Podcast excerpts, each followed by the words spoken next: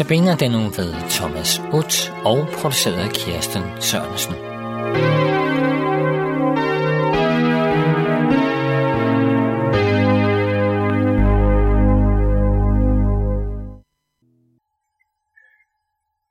Mens disciplene holdt sig inde bag lukkede døre af frygt for Jesus. Vi tager lige andagt nummer to. Mens disciplen holdt sig inde bag lukkede døre af frygt for jøderne, kom Jesus og stod midt i blandt dem og sagde til dem, fred være med jer. Da han havde sagt det, viste han dem sine hænder og sin side. Disciplen blev glade, da de så ham, og Jesus sagde til dem, fred være med jer. Som faderen har udsendt mig, sender jeg også jer. Da han havde sagt det, blæste han ånde i dem og sagde, modtag Helligånden. Så læser vi i Johannes kapitel 20, vers 19. Opstandelsen var for disciplene svær at forstå. Det kan også være svært for os. Men da disciplene første gang efter opstandelsen så Jesus og hans navlemærke og hørte ordene fred være med jer, så hedder det i teksten, at deres jammer blev vendt til glæde. Jesus taler i teksten om tre ord. Fred, kraft og mening i tilværelsen. Han siger for det første, fred være med jer, til de forskræmte disciple. Han vidste, at der ikke var fred i disciplernes hjerter.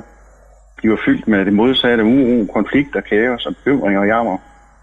Derfor understreger han for dem, hvad han og hele kirkens budskab drejer sig om for dem og for os i dag. Fred være med jer. Det lyder til Guds tjenester efter nadver til begravelser ved mange lejligheder, fordi de indeholder hele kirkens budskab. Disciplerne havde ikke fred i hjerterne. Har du fred i hjertet? Jesus gav disciplene fred, og han tilbyder dig sin fred i dag. Jesus kommer til verden for at skabe fred.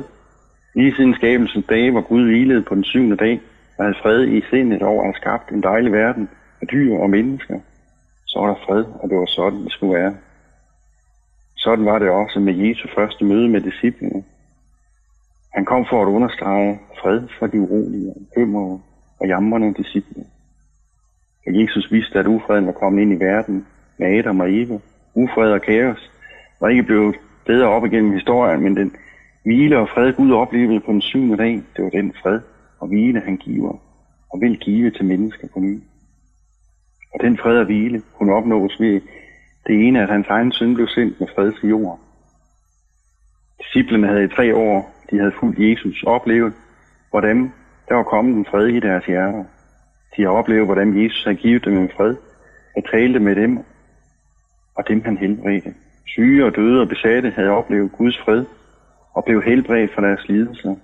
Hvor fred vidste de godt, hvad var. De forstod, at Jesus kunne tage deres byrder og give dem fred i tilgift, som de ikke fandt i arbejde af penge og magt. Men de havde alligevel ikke hørt så godt efter.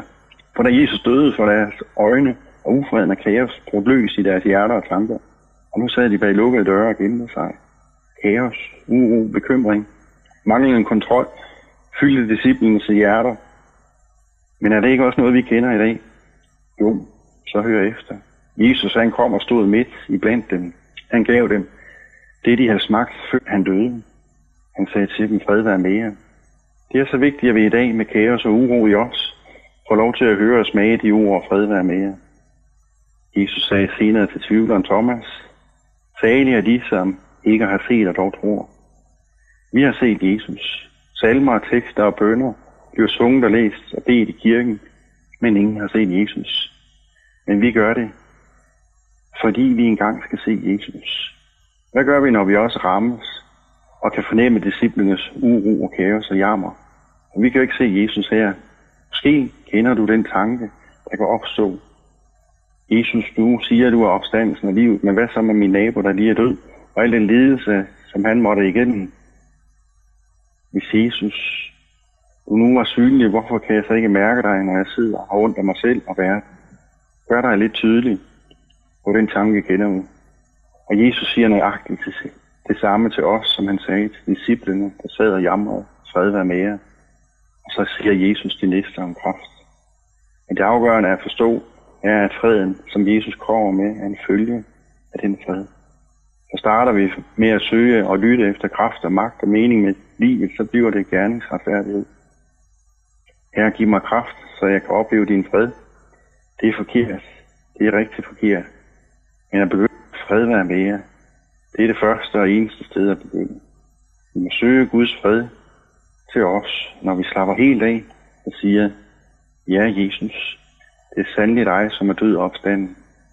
Så følger kraften og meningen med livet. Og Jesus siger samtidig med, at han blæste ånde i den, modtage heligånden. Jesus gør det, som Gud gjorde, da han skabte mennesket. Han blæste livsånd i mennesket. Gud skabte en fantastisk mand, og en smuk og fantastisk kvinde og blæste livsånd i dem. Og det gentager sig nu i mødet med disciplinen. De modtog der i deres jammer og elendighed først det afgørende en fred fra Gud. De vidste nu, at Jesus var død opstanden, og sådan skulle de også dø og opstå.